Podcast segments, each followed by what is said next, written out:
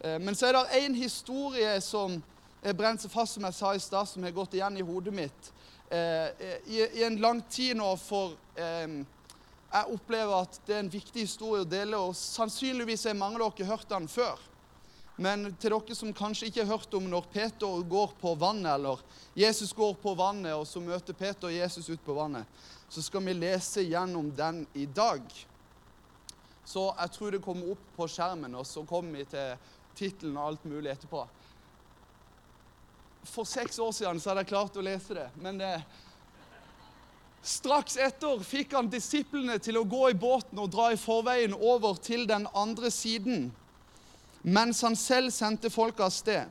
Da han hadde gjort det, gikk han opp i fjellet for å være for seg selv og be. Da kvelden kom, var han der al alene. Båten var allerede langt fra land, og den kjempet seg fram i bølgene, for det var motvind. Men i den fjerde nattevakt kom han til dem, gående på sjøen. Da disiplene fikk se ham der han gikk på vannet, ble de skrekkslagne. Det er et gjenferd, sa de, og skrek av angst. Men i det samme talte Jesus til dem. Vær ved godt mot. Det er jeg. Vær ikke redde. Da sa Peter til ham, Herre, er det deg som sier at jeg skal komme til deg på vannet? Kom, sa Jesus. Peter steg ut av båten og gikk på vannet bort til Jesus. Men da han så hvor hardt det blåste, ble han redd. Han begynte å synke og ropte, 'Herre, berg meg!' Straks rakte Jesus hånden ut og grep fatt i ham og sa, 'Du lite troende, hvorfor tvilte du?' Så steg de opp i båten, og vinden stilnet. Men de som var i båten, tilba ham og sa, 'Du er i sannhet Guds sønn'. For mange så er dette en tekst som vi har hørt igjen og igjen og igjen og igjen. Og i dag så vil jeg dykke litt i denne allikevel. For selv om det kanskje er en sånn Å, Peter gikk på vannet, eller Jesus gikk på vannet. Og det er ganske crazy. Og jeg tror at eh, det som står her, ord for ord, er sant. Det er, ikke, det er, ikke, et bilde som brukes, eller det er ikke noen som prøver å bevise et poeng med å gå på vannet. Jeg tror de fysisk gikk på vannet. Og Peter fysisk går på vannet, og så begynner han å synke, og så blir vannet som fast grunn igjen. Jeg tror det er sant, det vi leser. Um, men vi skal til fire punkt i dag ut ifra denne teksten, eh, som jeg opplever eh, vi kan ta med inn i livene våre i sommeren som kommer, i høsten som kommer. Um, og så um, håper jeg at jeg eh, har nok å gå på til å klare å utfordre litt til slutt i dag. Um, punkt nummer én i denne teksten. Vi skal ta for versene i, i, i rekkefølge. Det er å være for seg sjøl og be. For, for, meg så er det sånn eh, Det er en veldig liten del, og det er egentlig ikke viktig for historien i det hele tatt. Men 36 ganger så står det i Det nye testamentet at Jesus går for å be.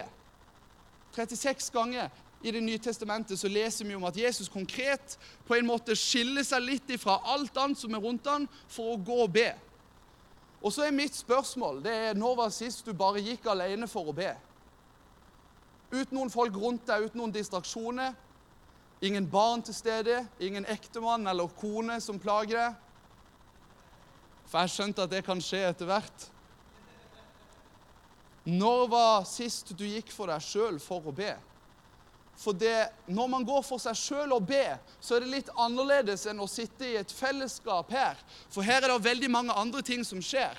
Det er noen som snuter seg, det er noen som blir emosjonelle, som henter et glass vann, eller som snakker, eller eh, Og så er du her kanskje av ulike årsaker. Men hvis man går for seg sjøl for å be, ok, ja, men da gjør man ingenting annet enn å være til stede i det øyeblikket og si 'Far, her er jeg og mitt liv'.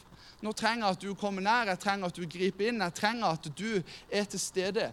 Og jeg syns det er så merkverdig, for det betyr ingenting for nødvendigvis at Jesus hadde klart å gå på vann eller ikke om han gikk for å be, men han gjør det allikevel, fordi han var sliten, sannsynligvis etter hvert med veldig mange mennesker. Dette er for øvrig òg rett etterpå tidsrom, altså dette tidsrommet rett etterpå Jesus er metta av 5000 menn.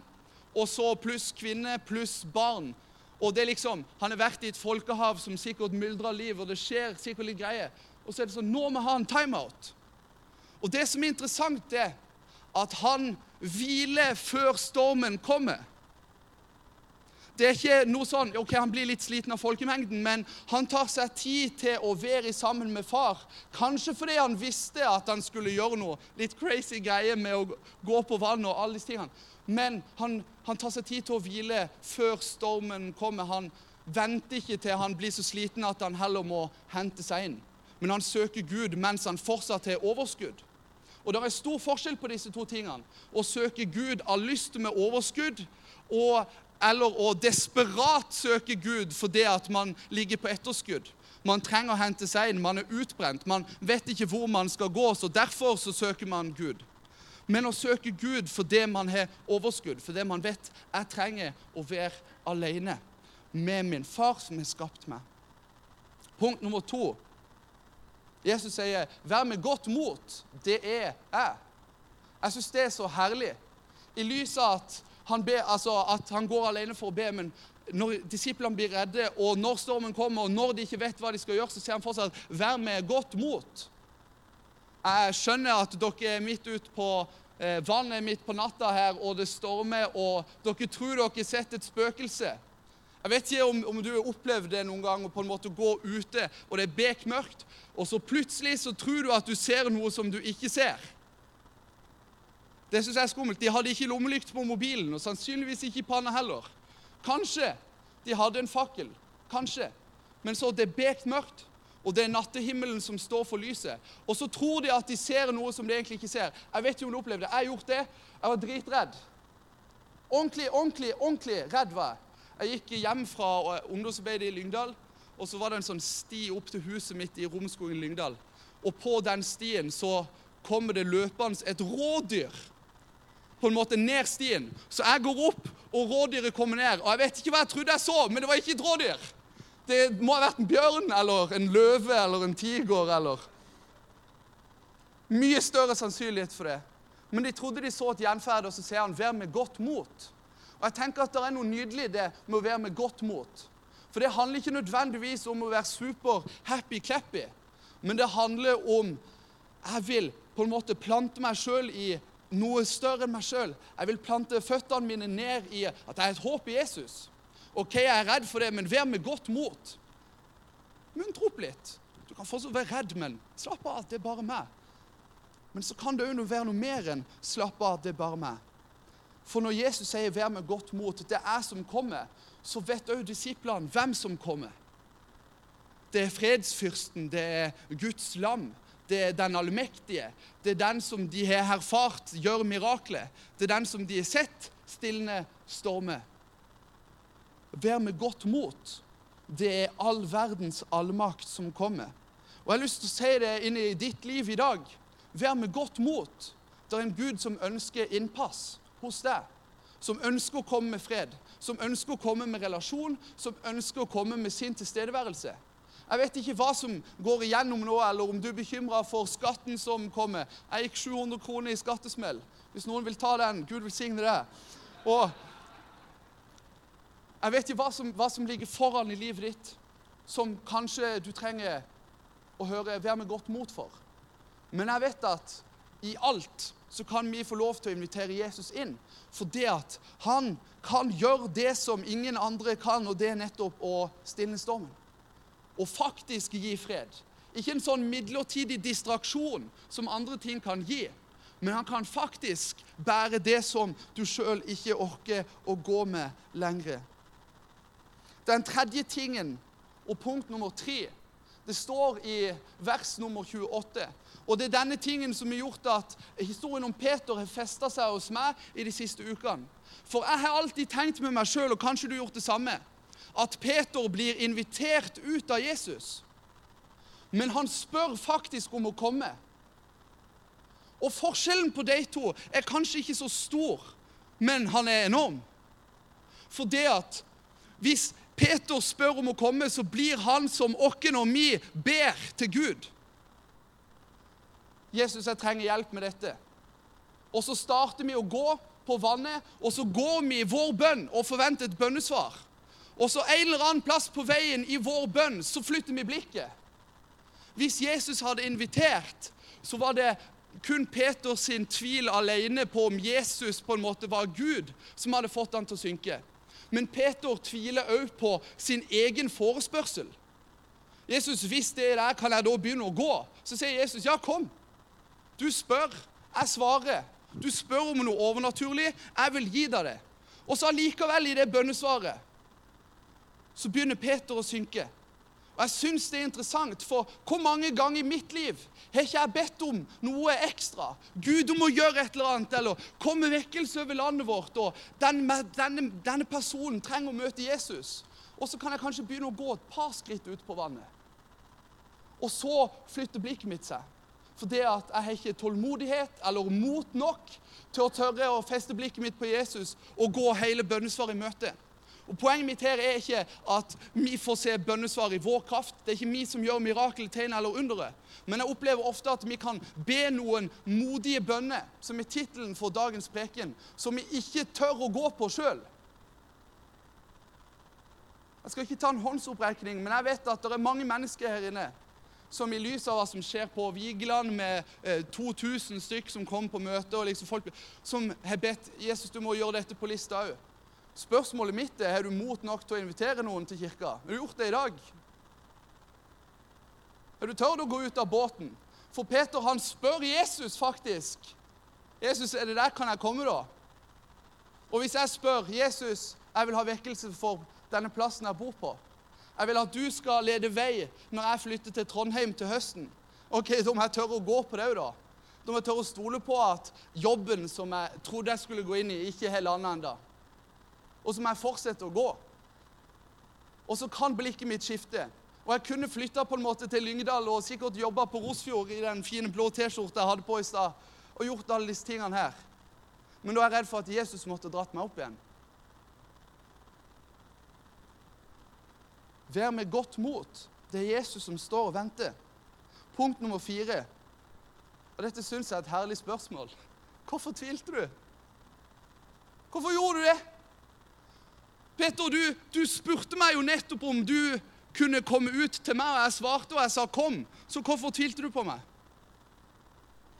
Hvorfor tviler du på at Gud skal gjøre det store i livet ditt som du venter på?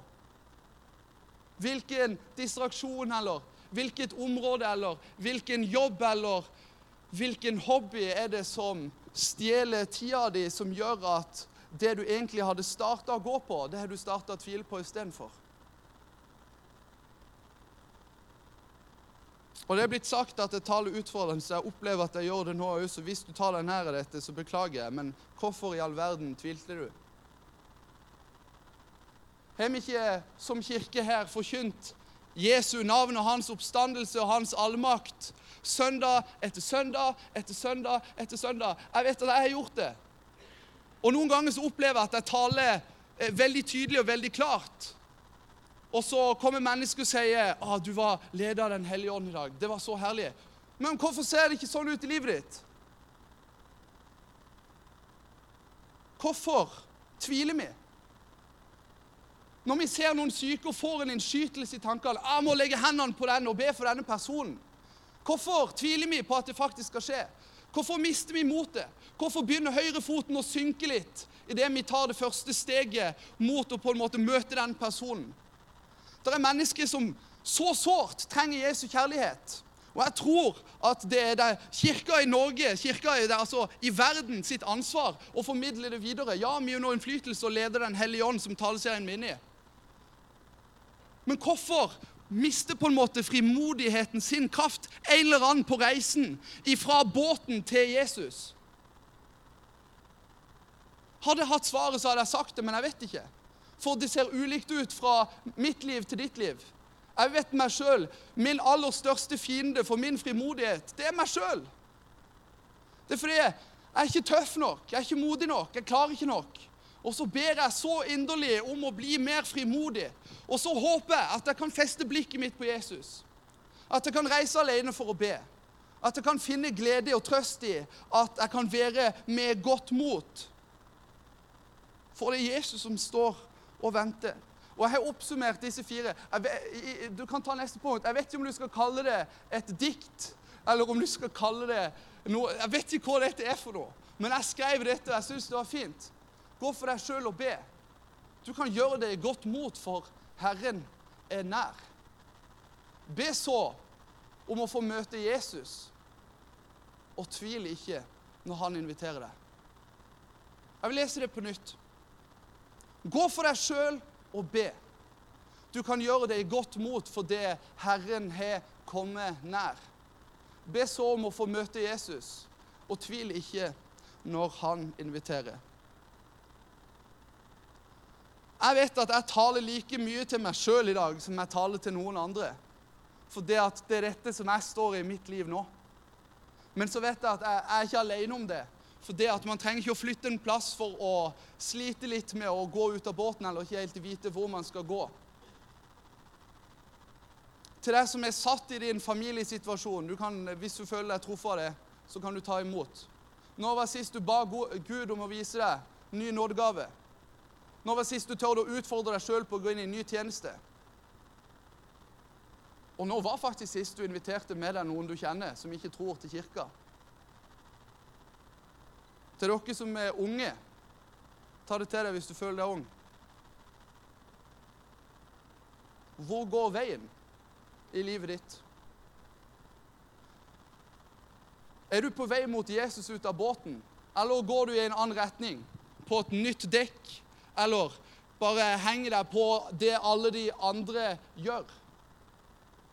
Jeg tror Jesus kaller dere til å leve det som er utfordrende liv. Men det betyr ikke at det er uoppnåelig liv.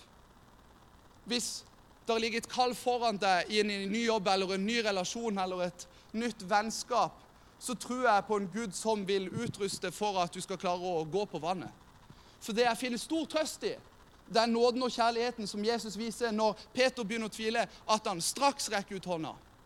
For det betyr at vi går ikke verden i møte i egen kraft. Vi går ikke verden i møte i på en måte det vi klarer å få til å prestere.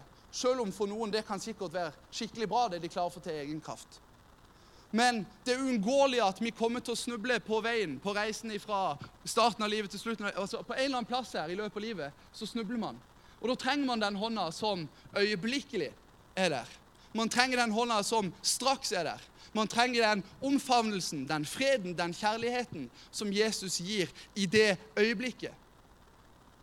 Men det som er interessant for meg, er at det er ikke sånn at Jesus og Peter teleporterer ifra han reiser han opp ifra vannet til båten. Han reiser han fortsatt opp på vannet.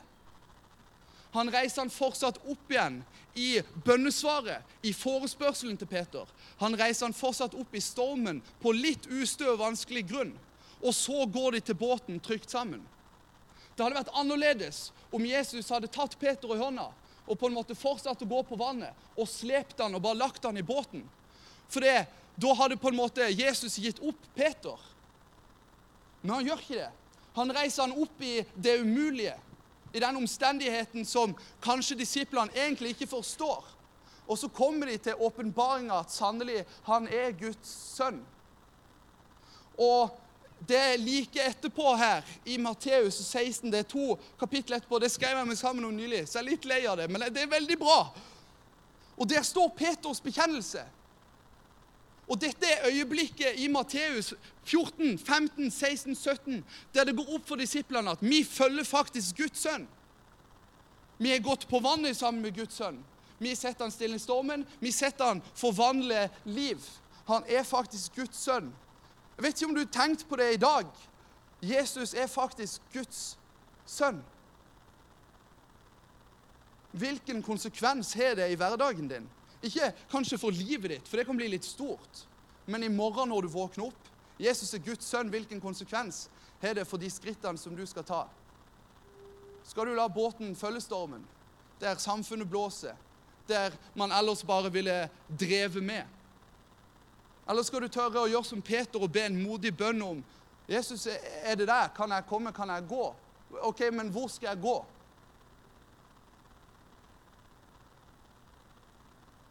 Sannelig, han er Guds sønn. I Matteus 16 så leser vi om Peters bekjennelse, og vi leser dette. Jeg sier deg, dette er Jesus snakker. Du er Peter, og på denne klippen vil jeg bygge min kirke. Og dødsrikets porte skal ikke få makt over den. Jeg vil gi deg himmelrikets nøkler. Det du binder på jorden, skal være bundet i himmelen, og det du løser på jorden, skal være løst i himmelen. Så påla han disiplene å ikke si til noen at han var Messias. Jeg syns det er så kult at det er Peter som Jesus velger å bygge sin kirke på. For det at rett etterpå dette, rett etterpå, så irettesetter Peter, Guds sønn, han som disiplene de hadde en kollektiv enighet om sannelig han var Guds sønn. Og så velger han fortsatt å bruke mennesket. Han velger fortsatt å bruke det. Selv om han vet at du kommer til å tvile, du kommer til å synke, du kommer til å gå en annen vei, så kommer hånda fortsatt til å være der. Han har fortsatt sendt sin ånd til utrustning, til veiledelse, til hjelp i din hverdag og i ditt liv. Gud har valgt å bruke oss mennesker. Og jeg tenker at det er på tide at vi blir brukt. Jeg tenker at det er på tide at jeg stiller mitt liv, og kanskje får det samme for deg, ditt liv disponibelt for å si Gud, her er jeg. Ta meg, bruk meg, send meg, gjør som du vil. Er du ute på vannet, ja, så la meg gå. Og Jeg har så lyst til å bare prøve å gå ut i lufta, men jeg har ikke tro for å gjøre det. For det at vi er feilbarlige mennesker. Jeg har lyst til å utfordre Lista misjonskirke til neste gang vi møtes igjen på dette. Jeg håper at når jeg kommer neste gang for å tale her, at jeg ser veldig mange annerledes fjes. Ikke fordi jeg har lyst til å se dere, men fordi jeg har lyst til å se veldig mange nye mennesker. Over seks år nå, jevnt over, så har jeg sett de samme 70-80 fjesene søndag etter søndag etter søndag etter søndag. Og så er det en gruppe på mellom 20 og 40 som har variert. Og det er herlig, for det betyr at det er en sterk kjerne. Det er noen som har sagt 'vi vil drive menighet'. Når jeg besøker neste gang, så håper jeg at de 70 er blitt 140. Virkelig. Og utfordringa gitt i dag, og jeg vet det er sommerferie, og kanskje du har glemt dette i neste uke men Gud velsigne deg. Listamisjonskirke.no slash tale. Hør det på nytt. For det at kirka i Norge og evangeliumet i Norge i dag er ikke på vei i skikkelig oppfart. Og det tror jeg er ikke fordi at Gud ikke ønsker noe for landet vårt, men fordi at vi ikke er klare for å gå ut av båten. Jeg vil gå ut av båten den høsten som kommer nå, denne sommeren som kommer nå. I morgen vil jeg gå ut av båten.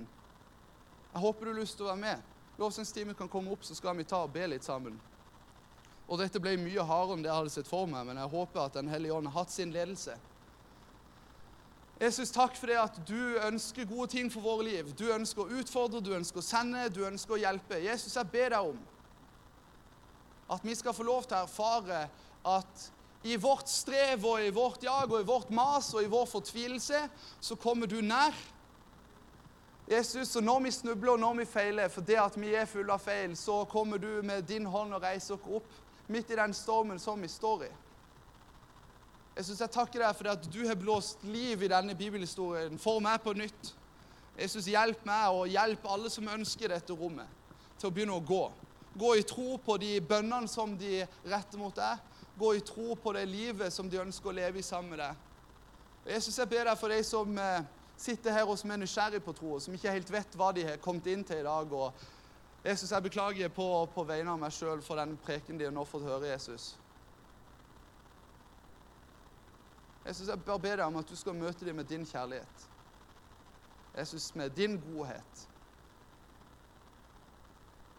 Jesus, takk for det at eh, din kirke er kjærlighet for alle mennesker. Og Jesus, jeg ber deg om at vi skal klare å bære det budskapet til Båro, til vanns Jesus, til mennesker i Farsund, i Nordbygda. Jesus, at mennesker skal få lov til å erfare din kjærlighet. At de skal få erfare din godhet.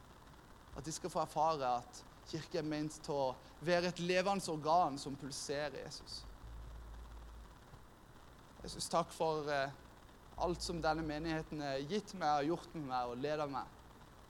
Takk for menneskene som har bygd meg, som har utfordra meg, som har vært nådig med meg. Jesus, jeg ber om at du skal velsigne dem. I Jesu Kristi navn. Amen.